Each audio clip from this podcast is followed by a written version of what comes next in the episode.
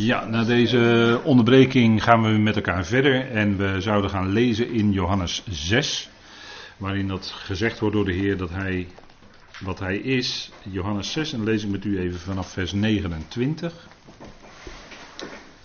Johannes 6 vers 29 en ik doe dat uit de herziene statenvertaling.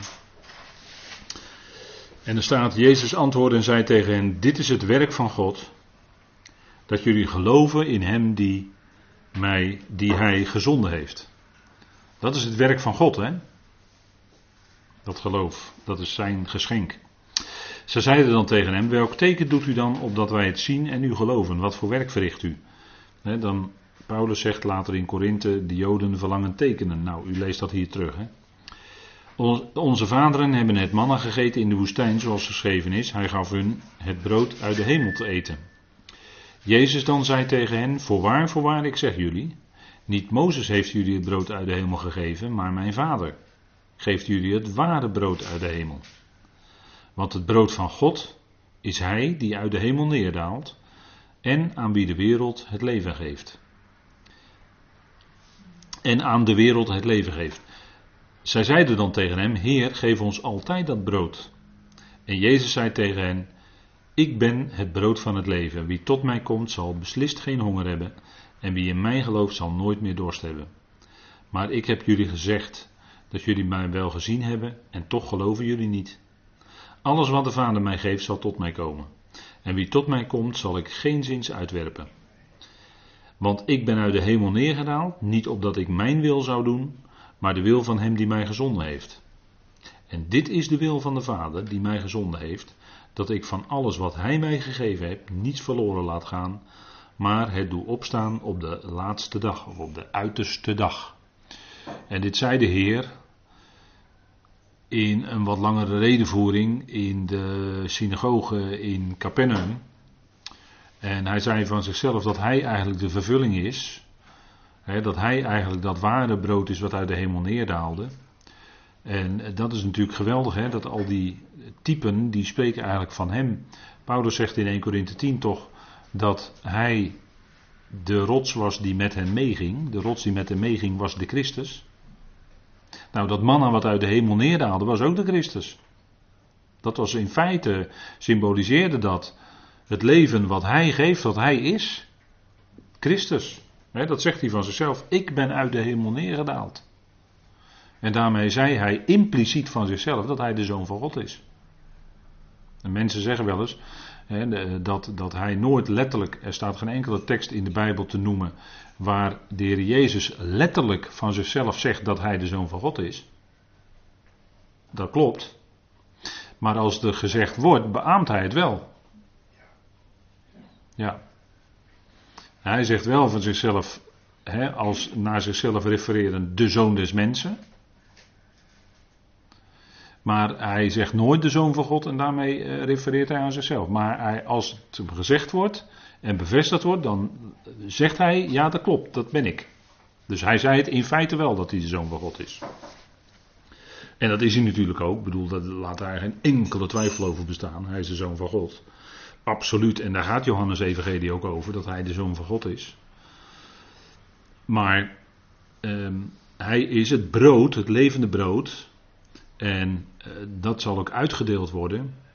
Want uh, ik, ik, wil u aangeven dat het Johannes-evangelie, waar gaat eigenlijk, waar spreekt eigenlijk het Johannes-evangelie over? En dat is natuurlijk ontzettend veel verwarring over.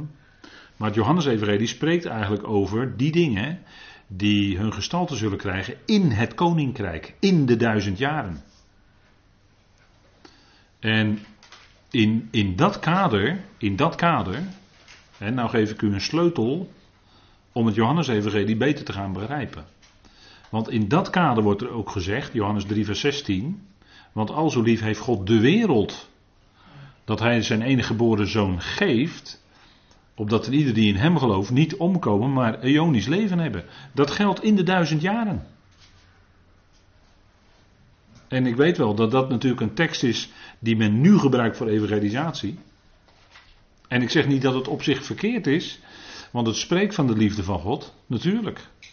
Maar waar het in feite over gaat, is eigenlijk in dat koninkrijk. En dat is wat de Heer hier ook zegt.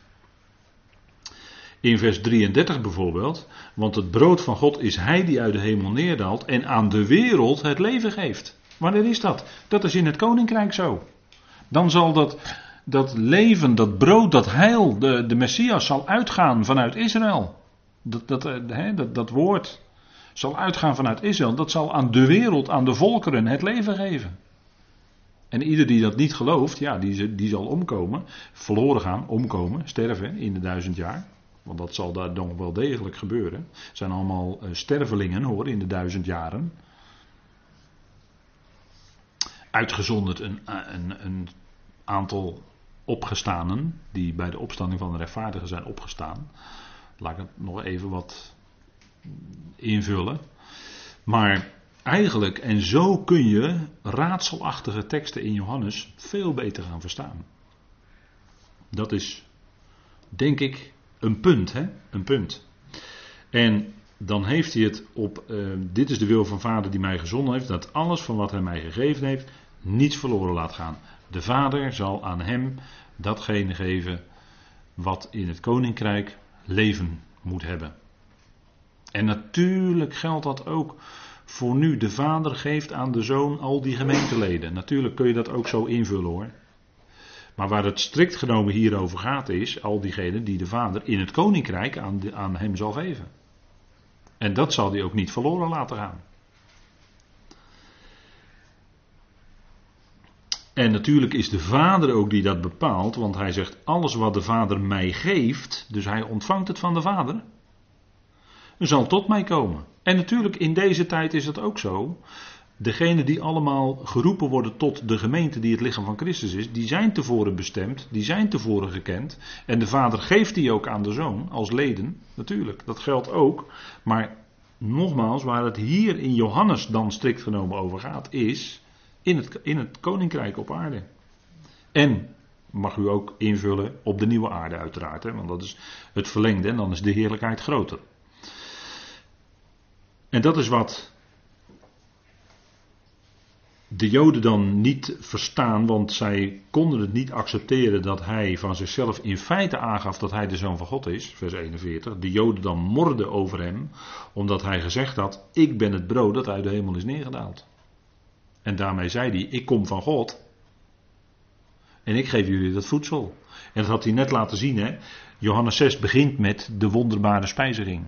Dus hij had het brood al vermenigvuldigd en uitgedeeld. En zo zal hij dat ook doen, of misschien door zijn discipelen, apostelen laten doen in dat komende koninkrijk. Daar zal dus, als het volkeren zijn die de Messias willen volgen, die zullen dan ook geen honger hebben, want hij zal ze ook letterlijk brood uitdelen hoor. En desnoods op een wonderbare manier, zoals dit het hier ook deed. Dat zal dan allemaal gewoon gebeuren in het koninkrijk daar, daar, moet dan helemaal, daar, daar hoeven we dan helemaal, ja wij zien dat dan van boven natuurlijk, eventueel. wij hebben daar, daar niet op aarde deel aan. Maar dat zijn allemaal van die dingen die gaan in het koninkrijk. Vijf broden, twee vissen. En de Heer vermenigvuldigt dat op een wonderbare manier. Nou, zo zal het in het koninkrijk ook zijn. De, de, de, de aarde zal veel meer vruchten opleveren dan nu. Een deel van die vervloeking zal, zal dan opgeheven zijn. En in de nieuwe aarde heb je zelfs dat er vruchtbomen zijn die elke maand vrucht dragen. Notabene. En er zijn de bladeren tot genezing van de volkeren. Staat allemaal, dat is allemaal op de nieuwe aarde. Hè? Dat gaat allemaal nog gebeuren. maar nogmaals, ik heb u nu een sleutel gegeven tot het Johannes-evangelie. En ik denk dat dat antwoorden geeft. Althans, het heeft mij wel antwoorden gegeven. dat, eh, ik, ik kreeg de sleutel ook aangereikt hoor. Dat, uh, u moet niet denken dat ik iets van mezelf heb. Ik heb alles van uitleggers wat ik verzamel. Maar het gaat natuurlijk om wat de schrift zelf zegt, uiteraard. Het gaat niet om uitleggen die of uitlegger die, maar het gaat om wat de schrift zelf zegt. En ik denk dat dat uh, belangrijk is, dat je op die manier kun je de teksten beter verstaan. En nogmaals, de duizend jaren op aarde is een andere tijd, dan is het niet meer overstromende genade zoals in deze tijd. Maar dan zal de Heer richten ook hè, en ook de shalom voor Israël bewaren, desnoods met een ijzeren roede. Als er volkeren zijn die Israël willen aanvallen, en als u het mij vraagt, gaat dat ook in de duizend jaar gebeuren, dan zal hij ze neerslaan met een ijzeren roede. Zo zal het ook zijn in de duizend jaar.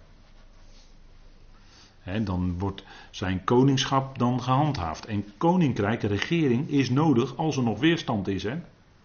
Anders is er geen heerschappij nodig. Zolang, als er geen tegenstand is, hoef je ook niet te regeren. Maar dat veronderstelt allemaal tegenstand. Dus dat is natuurlijk wat in het koninkrijk nog wel degelijk het geval is. Er is nog weerstand tegen de Messias. En hij zal heersen met een ijzeren roede. En namens hem ook de 144.000. Dat is die mannelijke zoon. Als u het mij vraagt in openbaring. He, daarvan wordt ook gezegd dat ze zullen regeren met een ijzeren roede. Ja, die zullen ook dat doen.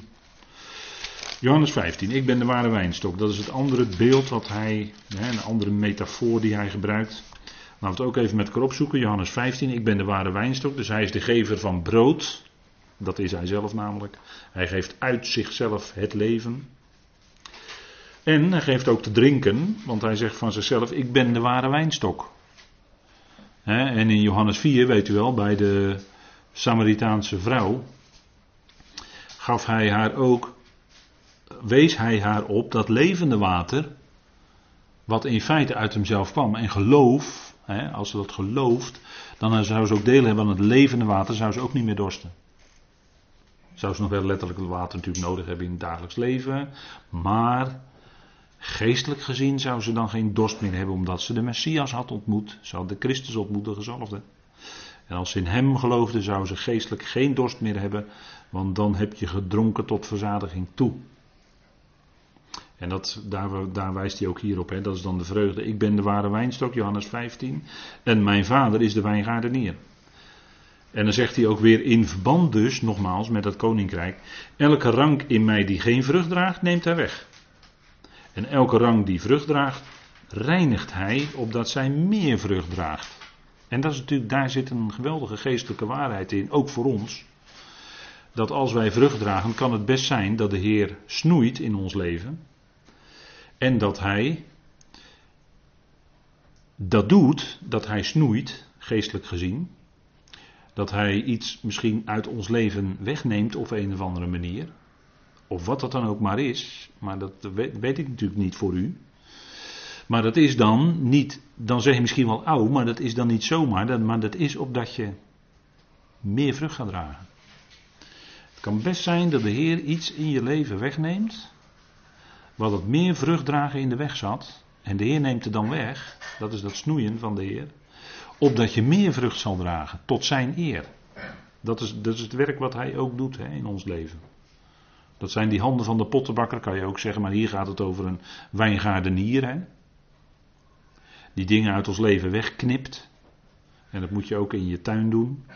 Als je wil dat je planten vrucht dragen, dan moet je allerlei takken wegknippen.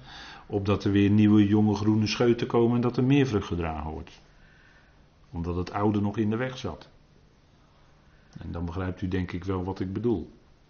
Nou, dat is wat de Heer doet die reinigt hij opdat ze meer vrucht zouden dragen. En dan zegt hij: Jullie zijn al rein vanwege het woord dat ik tot jullie gesproken heb. We zeggen wel eens tegen elkaar: de reinigende werking van het woord. Dat is wat het woord doet, dat reinigt. Het reinigt je gedachten. Het reinigt je gedachtenleven. Het reinigt je van binnen. Het reinigt je leven. Dat is wat het woord allemaal doet. Het woord reinigt je ook van verkeerde voorstellingen over de toekomst. Het reinigt je van tradities. Dat neemt het woord weg. Dat is, dat is allemaal wat het woord doet. Hè. Het woord is alles. Je kunt niet zonder. En daar waar het woord weggenomen wordt, daar, daar trekken de zalen leeg. Daar trekken de kerken leeg. Als er geen woord meer wordt verkondigd, dan gaan de schapen die echt voedsel nodig hebben, die gaan op zoek. Die gaan elders het echte voedsel zoeken hoor dan, misschien is schapen dan verkeerd voorbeeld, maar mensen, mensen gaan dan toch zoeken waar het woord wel klinkt. Want ze willen dat woord horen. Hè? U wilt dat woord horen, ik wil dat woord horen. Wat staat geschreven? Dat is wat beklijft in het leven. En dat is waar je op kunt staan. Dat is wat je zekerheid, vastheid, vreugde en heerlijkheid geeft in je leven. Een toekomst. Een toekomst. En, en anders geen woord. Ik garandeer u geen toekomst. Maar als het woord van God werkelijk naar voren komt, dan heb je ook toekomst hoor. Dat is geweldig. Dat hebben we gelukkig in ons midden neergelegd gekregen, al vele jaren. Met dat woord is er ook toekomst. En die beloften van vader, die zijn, dat zijn geen loze beloften, maar hij zal alles vervullen wat hij beloofd heeft. Hij doet naar zijn woord. Hij doet niet naar wat we denken. Dat is heel wat anders. Maar hij doet naar wat hij geschreven heeft. En dat is betrouwbaar. Hè? Dat is dabar. Een woord is ook een daad. Kan duizenden jaren duren, maar het wordt een daad als het gesproken is. Voor God maakt die tijd natuurlijk helemaal niet uit. Die ertussen zit. God staat toch buiten de tijd sowieso. Tijd is ook zijn schepping, maar hij staat er zelf buiten. En hij bepaalt de tijden. Hè? En daarom was ook die overgave daar van de psalmist. In uw hand zijn mijn tijden, Heer. En dat is wat je ook wel dan bidt hè, als je het moeilijk hebt. Als je niet, misschien niet meer weet hoe het verder moet. Maar in uw hand, Heer, zijn mijn tijden. Zeg je misschien wel door je tranen heen. Maar het is wel zo. En dan geeft hij ook troost, dan geeft hij ook rust. Rusten doen we in het volbrachte werk van Christus. Ja, ja, ja, ja, het is volbracht. Geen enkel werk van ons vereist. Ik blijf, u, u hoort mij, ik blijf erop hameren. Het kan niet zo zijn dat je zelf er iets aan toevoegt. Kan niet, onmogelijk. Het is om niet. Dat is genade. Overstromende genade. Dat klinkt in deze tijd. En in de komende koninkrijk zal het anders zijn. Dat is wat we hier lezen in Johannes 15. Blijf in mij zoals ik in jullie. En zoals de rank geen vrucht kan dragen uit zichzelf. Als ze niet in de wijnstok blijft, zo ook jullie niet als jullie niet in mij blijven. Ik ben de wijnstok. Weer zo'n ik ben uitspraak. Hè, waarin hij zei Yahweh. Hij zei in het Grieks ego eimi. Dat wil zeggen heel nadrukkelijk ik. Ik ben, dat zei hij eigenlijk. Door dat ego in het Grieks staat daar de nadruk op. Dat heeft hij zo uitgesproken. Ik, ik ben, en daarmee zei hij eigenlijk Yahweh. Hij representeert Yahweh. Hij laat zien wie de Vader is. En dat deed hij ook hier, want dat ik ben klonk ook bij dat brood van het leven. Dat is ook zo'n ik ben uitspraak. Dat is een, een, prachtige metafoor, ook hier weer. Ik ben de wijnstok, jullie zijn de ranken die in mij blijft en ik in hem die draagt veel vrucht. En dat zou de gelovigen beseffen, zonder mij kunnen jullie niets doen. Je kunt niet het werk van de Heer doen zonder Hem. Zonder mij kun je niets doen, ben je zelfs niet in staat om. Elke ademhaling is van Hem gegeven. En, en dat is het geweldige. Hè? Als iemand niet in mij blijft, zegt hij in vers 6, wordt hij buitengeworpen zoals de rank en verdord. En men verzamelt ze en werpt ze in het vuur en ze worden verbrand. Ja, dat is in het koninkrijk letterlijk zo. Het dal Hinnom, Gehenna. Zal in het koninkrijk letterlijk daar zijn bij Jeruzalem. Dan zal dit letterlijk zo gebeuren. Als jullie in mij blijven en mijn woorden in jullie blijven, vraag wat je maar wilt en het zal je ten deel vallen. Hierin wordt mijn vader verheerlijk dat jullie veel vrucht dragen en mijn discipelen zijn. Hij sprak dat natuurlijk tot zijn discipelen in de opperzaal hier, vlak voordat hij zou sterven. En het punt is dat als wij vrucht dragen in ons leven, is dat de vrucht van de geest. Denk niet dat het je eigen vrucht is, maar het is vrucht van de geest. En dat is tot eer van vader. Als je die vrucht draagt, dan ben je tot eer van hem. Als zijn liefde, als zijn vrede, als zijn geduld, als zijn geloof, als zijn trouw, als dat allemaal in jouw leven zichtbaar wordt, dat is tot eer van de Vader. Dat is tot eer van God, die vrucht. Ja, maar dan is het ook de vrucht van de geest. Dan is het ook niet meer jouw eigen inspanningen die het. Die het hè, want de werken, zodra het om werken gaat, is het van het vlees, in gelaten 5. Maar zodra het om vrucht dragen gaat, is het van de geest. Dat is een enorm verschil, hè? De verdeeldheid bij de Corinthiërs, hebben we in het eerste deel gezien, is eigenlijk werk van het vlees. Partijschappen, twist, vijandschappen, secten. Allemaal werken van het vlees. Noemt Paulus allemaal in gelaten 5, hè? Maar de vrucht van de geest is liefde, vreugde, vrede. Dan leef je ook die eenheid van de geest uit. Dat kan niet anders. Dat kan niet anders. En wat het, wat het nou dat zetten van die vrucht in, in ons leven verhindert, dat oude, of moet ik zeggen restjes oude mens, om het zo maar eens te zeggen, die snoeit hij, die knipt hij weg uit je leven. Opdat je meer vrucht zal dragen. Opdat er meer vrucht van de geest in je leven zichtbaar wordt. Kijk, en dan komt ook die vreugde, hè, want de vrucht is, ik noemde het net, liefde, vrede, vreugde.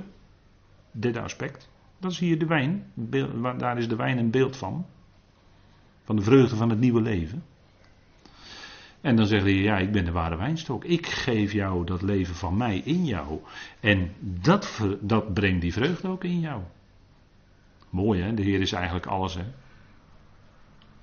En dan brood en wijn. Wie bracht er nog meer brood en wijn? Dat was Melchizedek, weet u wel. Toen Abraham uh, die koningen verslagen had, toen kwam Melchizedek, de koning van Salem.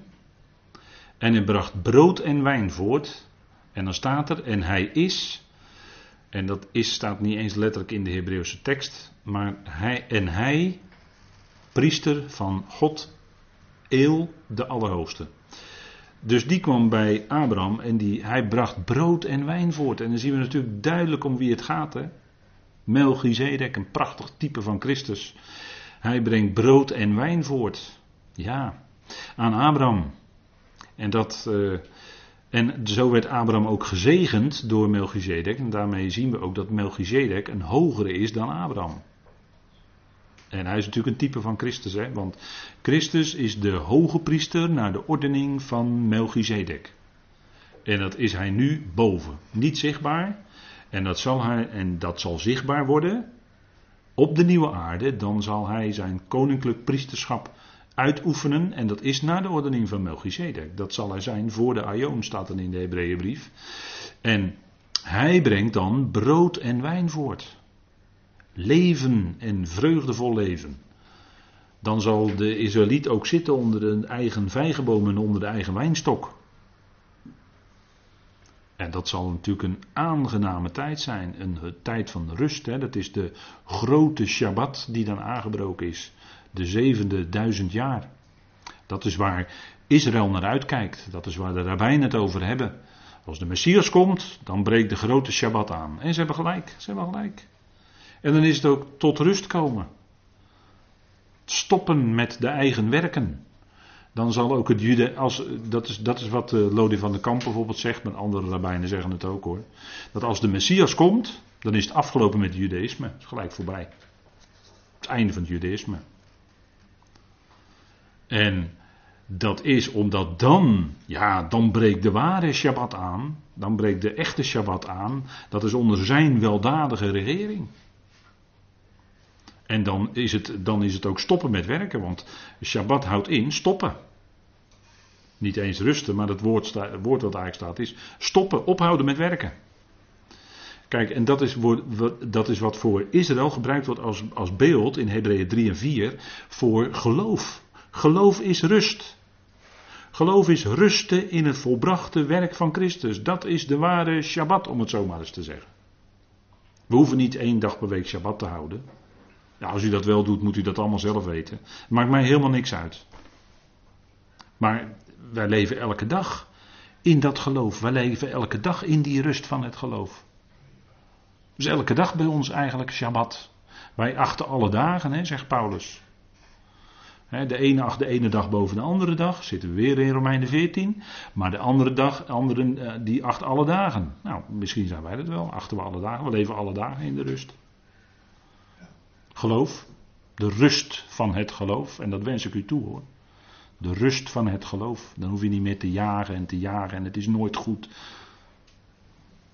Al dat perfectionisme vanuit onszelf. Nee. Dat was vuilnis. Dat hoort, dat hoort bij het vuilnis van Paulus in eh, Filippenzen 3.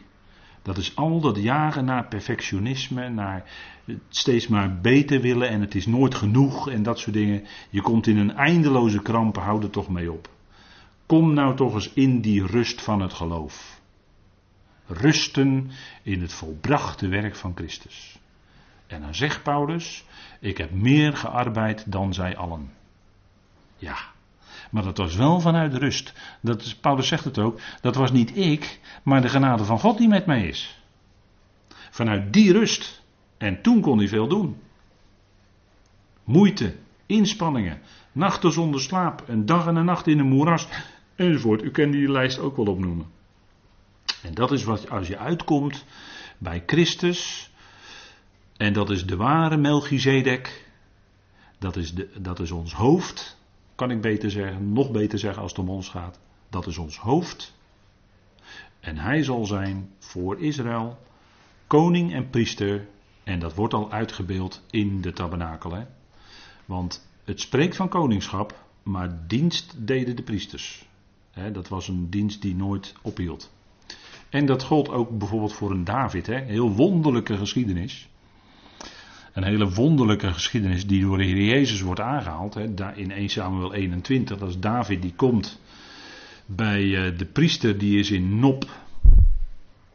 En Nop dat betekent eh, heeft waarschijnlijk ja, verschillende betekenissen. Dat is altijd moeilijk hè, met namen. Als je namenboeken gaat opzoeken van Bijbel, van het Bijbel, hè, verschillende namenboeken, betekenissen, kom je allemaal verschillende betekenissen tegen. Dat is wel leuk. En soms ook niet, want dan denk je, ja, hoe is het nou? Maar Nop, dat is eigenlijk een afkorting van profeet, heeft iets te maken met uh, voorzegging, hè? De, de, naar de toekomst. Nop. Eh, dat, dat heeft een duidelijk woordsverband met het woord Navi, dat is profeet in het Hebreeuws. En David die komt dan bij die priester Achimelech. Hè, mijn, mijn broer is koning, als ik het goed zeg. En dan eet hij van de toonbroden. Mocht hij helemaal niet doen, want alleen de priester mocht ervan eten. Alleen de priesters mochten ervan eten. Mocht hij van de Torah, mocht van de Torah, mocht het eigenlijk niet. Hè? Maar dan heb je weer zoiets. Hoe kon dat nou? Hoe kon dat nou? Nou, de Heer Jezus die zegt daar iets over. Laten we even opzoeken in Matthäus, Matthäus 12. Want we hebben het nog steeds over de tafel van de toonbroden. En David die at van die toonbroden. In Matthäus 12. En daar lezen wij. En dat is voor u denk ik wel een bekende geschiedenis. En er staat er, en in die tijd, Matthäus 12, en u kunt het ook terugvinden in Marcus 2 en Lucas 6. Daar, staan, dat staat, daar staat hetzelfde. En in die tijd ging Jezus op een sabbat door de korenvelden en zijn discipelen hadden honger en begonnen aarde te plukken en te eten. En dat mocht wel van de wet.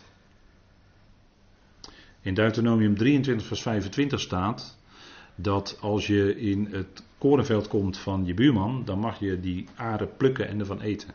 Je mag er niet de sikkel in slaan. Je mag niet gaan oogsten. Want dat is de oogst van je buurman. Maar je mocht wat, wat ze hier deden, dat was volgens de wet was het toegestaan, hè, volgens de Torah. En toen de fariseeën dat zagen, zeiden zij tegen hem, zie, uw discipelen, uw discipelen doen iets wat niet geoorloofd is te doen op de Sabbat. Ze, ze, ze formuleerden het handig, hè. Ze wisten natuurlijk best wel dat ze op zich wel aarde mochten plukken. Zomaar in een korenveld om van te eten. Dat wisten ze wel. Maar het punt was, de Heer deed dat met zijn discipelen op een Sabbat. En op een Sabbat mag je niks doen, mag je niet werken. Dus Waarde plukken en eten, dat was werken, dus het mocht niet. Zie je, dat is herkenbaar wel, hè? Maar hij zei tegen hen, en dan komt weer dat prachtige, zo'n prachtig antwoord van de Heer. Maar hij zei tegen hen: Hebben jullie niet gelezen? Wat David deed toen hij honger had en zij die bij hem waren? Hoe hij het huis van God binnengegaan is en de toonbroden gegeten heeft, die hij niet mocht eten, evenmin als zij die bij hem waren, maar alleen de priesters? Zo, denk daar maar eens over na. Zei de, de Heer Jezus, denk daar nou maar eens over na. Of hebben jullie niet gelezen in de wet dat de priesters op de sabbatdagen de sabbat ontheiligen in de tempel en toch onschuldig zijn? Want ze moesten op sabbat die toonbroden vervangen. Ja, dat moest op sabbat gebeuren. Dus die priesters moesten wel werken op sabbat. En dan komen die wetgeleerden natuurlijk in de knoop, want die denken, ja, maar je mag helemaal niet werken op Sabbat. Hoe zit dat nou? Maar de Heer zegt, ja, maar die priesters mochten wel dienst doen, want, uh, en op de Sabbat juist, dan moesten ze die toonbroden vervangen. Dat is wel een rare, hè, dit. En ik zeg u echter dat hier iemand is die meer is dan de tempel. Maar als jullie geweten had wat het betekent, ik wil barmhartigheid en geen offer, dan zou je de onschuldige niet veroordeeld hebben, want de zoon des mensen is Heer, ook van de Sabbat. En in Marcus 12 of in Lucas 6, een van de twee, zegt hij dat de mens is niet gemaakt voor de Sabbat, maar de Sabbat voor de mens. Kijk, hij draait het om. En die wetgeleerden, of die, uh, die fariseeën en schriftgeleerden, waren heel wettisch bezig. En die kwamen er niet meer uit, want ja, je, mag niet werken, je mag niet werken op Sabbat, maar de priesters deden toch dienst in de tempel op Sabbat. Moesten die toonbroden vervangen. Dus ze deden toch werk. Hoe zit dat dan? Het punt is dat, kijk, de Heer, oftewel Yahweh, is meer dan die tabernakel, is meer dan die tempel.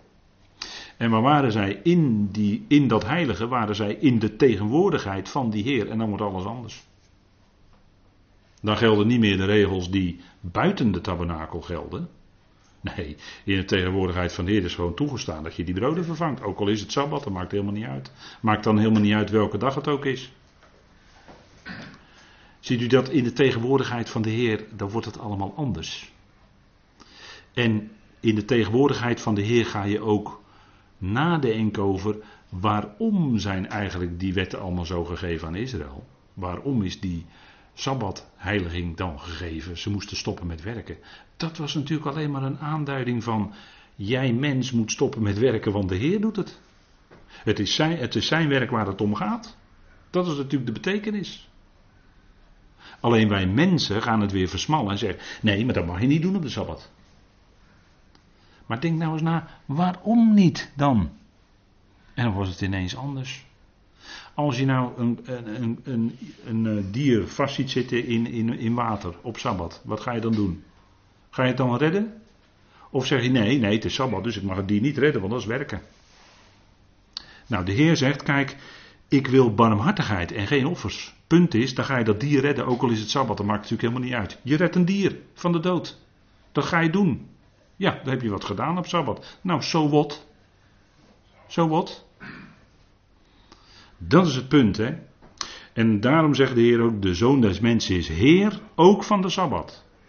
En in de tegenwoordigheid van de Heer ben je ook verlost van het wetticisme. En het punt is dat wij leven in de tegenwoordigheid van de Heer. Wij zijn met Hem verzoend. Dat was al de prediking van de tabernakel, in feite in de symboliek. En daar geldt dus niet meer welke dag het is. Of het nou Sabbat is of niet, maakt helemaal niet uit. De priesters moesten toch dienst doen. En dat kon, want ze waren in tegenwoordigheid van de Heer. En wij ook. Voor ons geldt immers helemaal geen enkele dag die wij zouden houden. Geen enkel ritueel of wat dan ook. Want we zijn al in de tegenwoordigheid van de Heer. Nou, wat dan te rituelen? Die heb je dan niet meer nodig, daar ben je aan voorbij. Dat is het punt, hè. En daarom kon David ook eten van de toonbroden en degene die bij hem waren, ook al waren ze geen priesters. Maar ze kwamen in tegenwoordigheid van de Heer in dat heiligdom. En dan mogen ze gewoon eten hoor. Ze hadden honger. Ze hadden het nodig. En bovendien was David toen nog geen koning. Maar dat was nog in de tijd dat Saul nog koning was. Hè? 1 Samuel 21. Pas in, in 2 eh, Samuel 2 wordt David koning. Echt, in het echi. Maar hij was al gezalfd natuurlijk door Samuel tot koning. Maar dat is het punt weer dat is dat verborgen koningschap. Want kijk, David was in principe al koning gezalfd. Maar dat was in het verborgen eigenlijk, want hij was nog niet zichtbaar. Koning Saul was er nog. En de regering van koning Saul, dat is ook in de symboliek, in de typologie. In de regering van koning Saul was een uitbeelding van de heerschappij van de wet. En, en de heerschappij van David, zijn koningschap, is een uitbeelding van de heerschappij van de genade. Dat is typologie, hè? Maar in feite zag je dat al in die hele geschiedenis dat David van die toonbroden at. Hij at wat de Heer hem gaf. Hij, had, hij at uit de hand van de Heer die toonbroden. De broden van het aangezicht, letterlijk. Zo heten ze letterlijk. Dat is het aangezicht van God. Waar hij voor leefde. Prachtige geschiedenis, hè?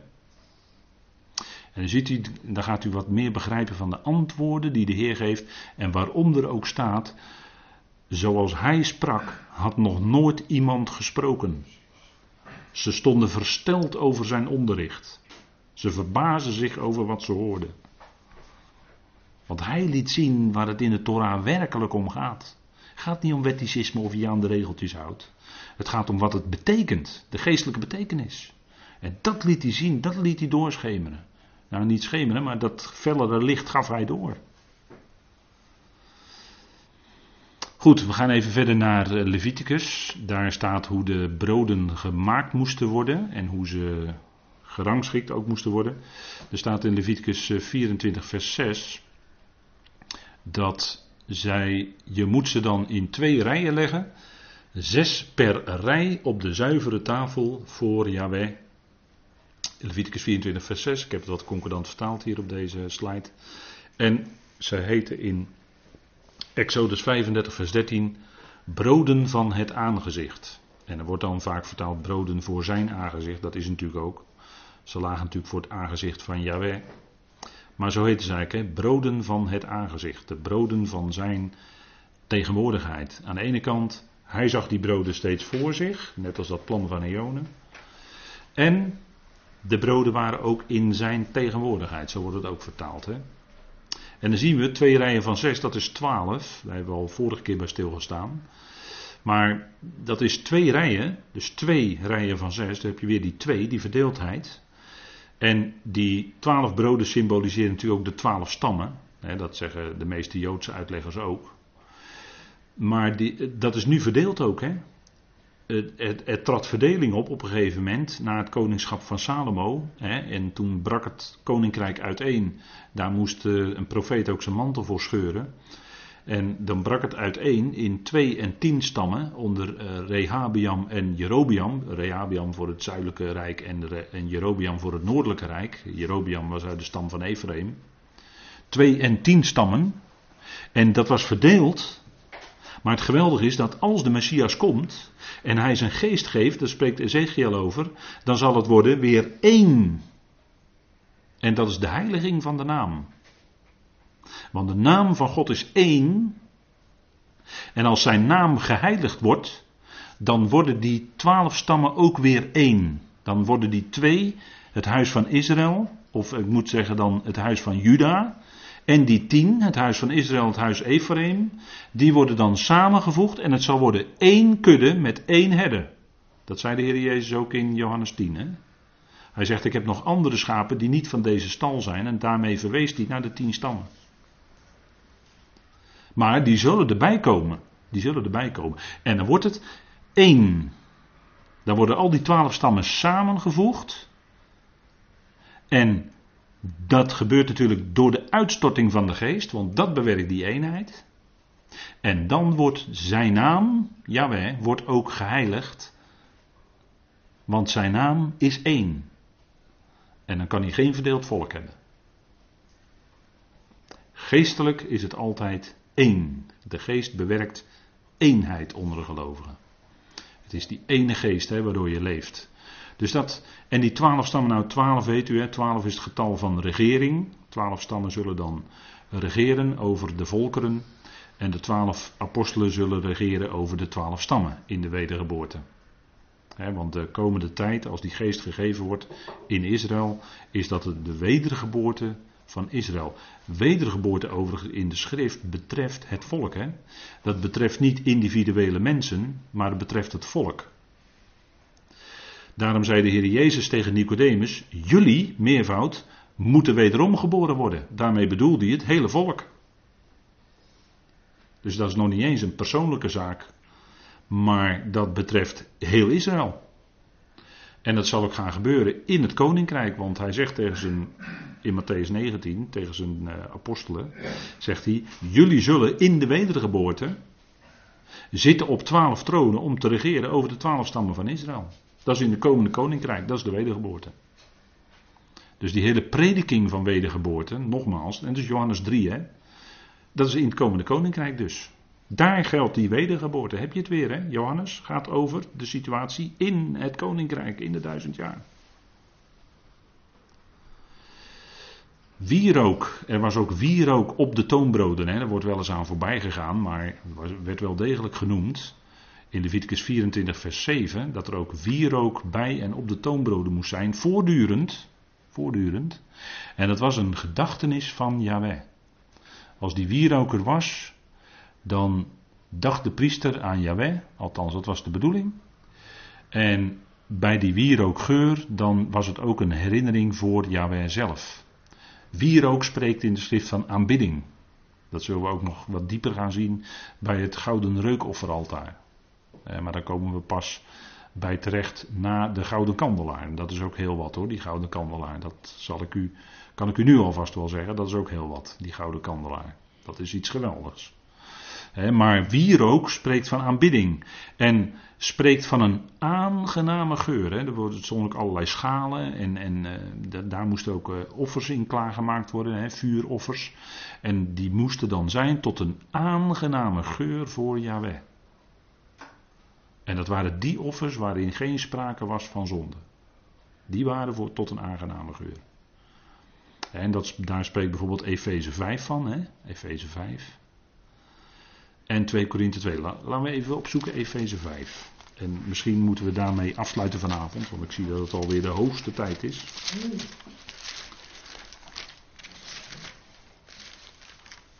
Efeze 5. Dan wil ik even met u lezen vanaf vers 1.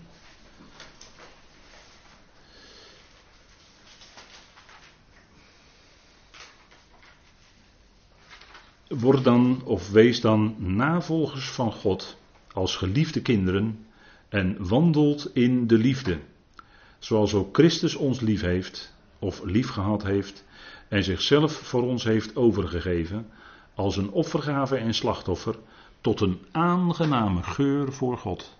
Zoals Hij zich heeft overgegeven, dat was een aangename geur. En daar, daar, hier spreekt natuurlijk de Paulus over de offerdienst. Hè. Eh, Leviticus had hij in gedachten. En daar waren offers die waren een aangename geur. Dat was bijvoorbeeld het spijsoffer. En het brandoffer vooral. Hè. Dat is het eerste wat genoemd wordt in Leviticus 1. Brandoffer. Dat, was, dat werd helemaal verbrand. Hè. Dat was helemaal voor de Heer. En dat steeg op als een aangename geur voor Yahweh. En, en zo zouden wij ook leven. Hè. Dat ons leven is een offer voor Hem. Een levend, heilig en welgevallig offer. Ben ik misschien iets duidelijker. Precies, broeder, dat is Romeinen 12. En als we zo leven, dan is dat een aangename geur voor God. Net zoals Hij wandelde en wij weerspiegelen dat iets. Hè, in ons leven wordt daar iets van weerspiegeld, want we zullen het nooit zo kunnen zoals Hij. Maar als daar iets van weerspiegeld wordt, dan is dat ook voor God een aangename geur. En dat, dat is de wierook, hè? de aanbidding. Vader loven en prijzen om wie Hij is. dat hoeft niet in eindeloze aanbiddingsliederen, maar dat is in je hart.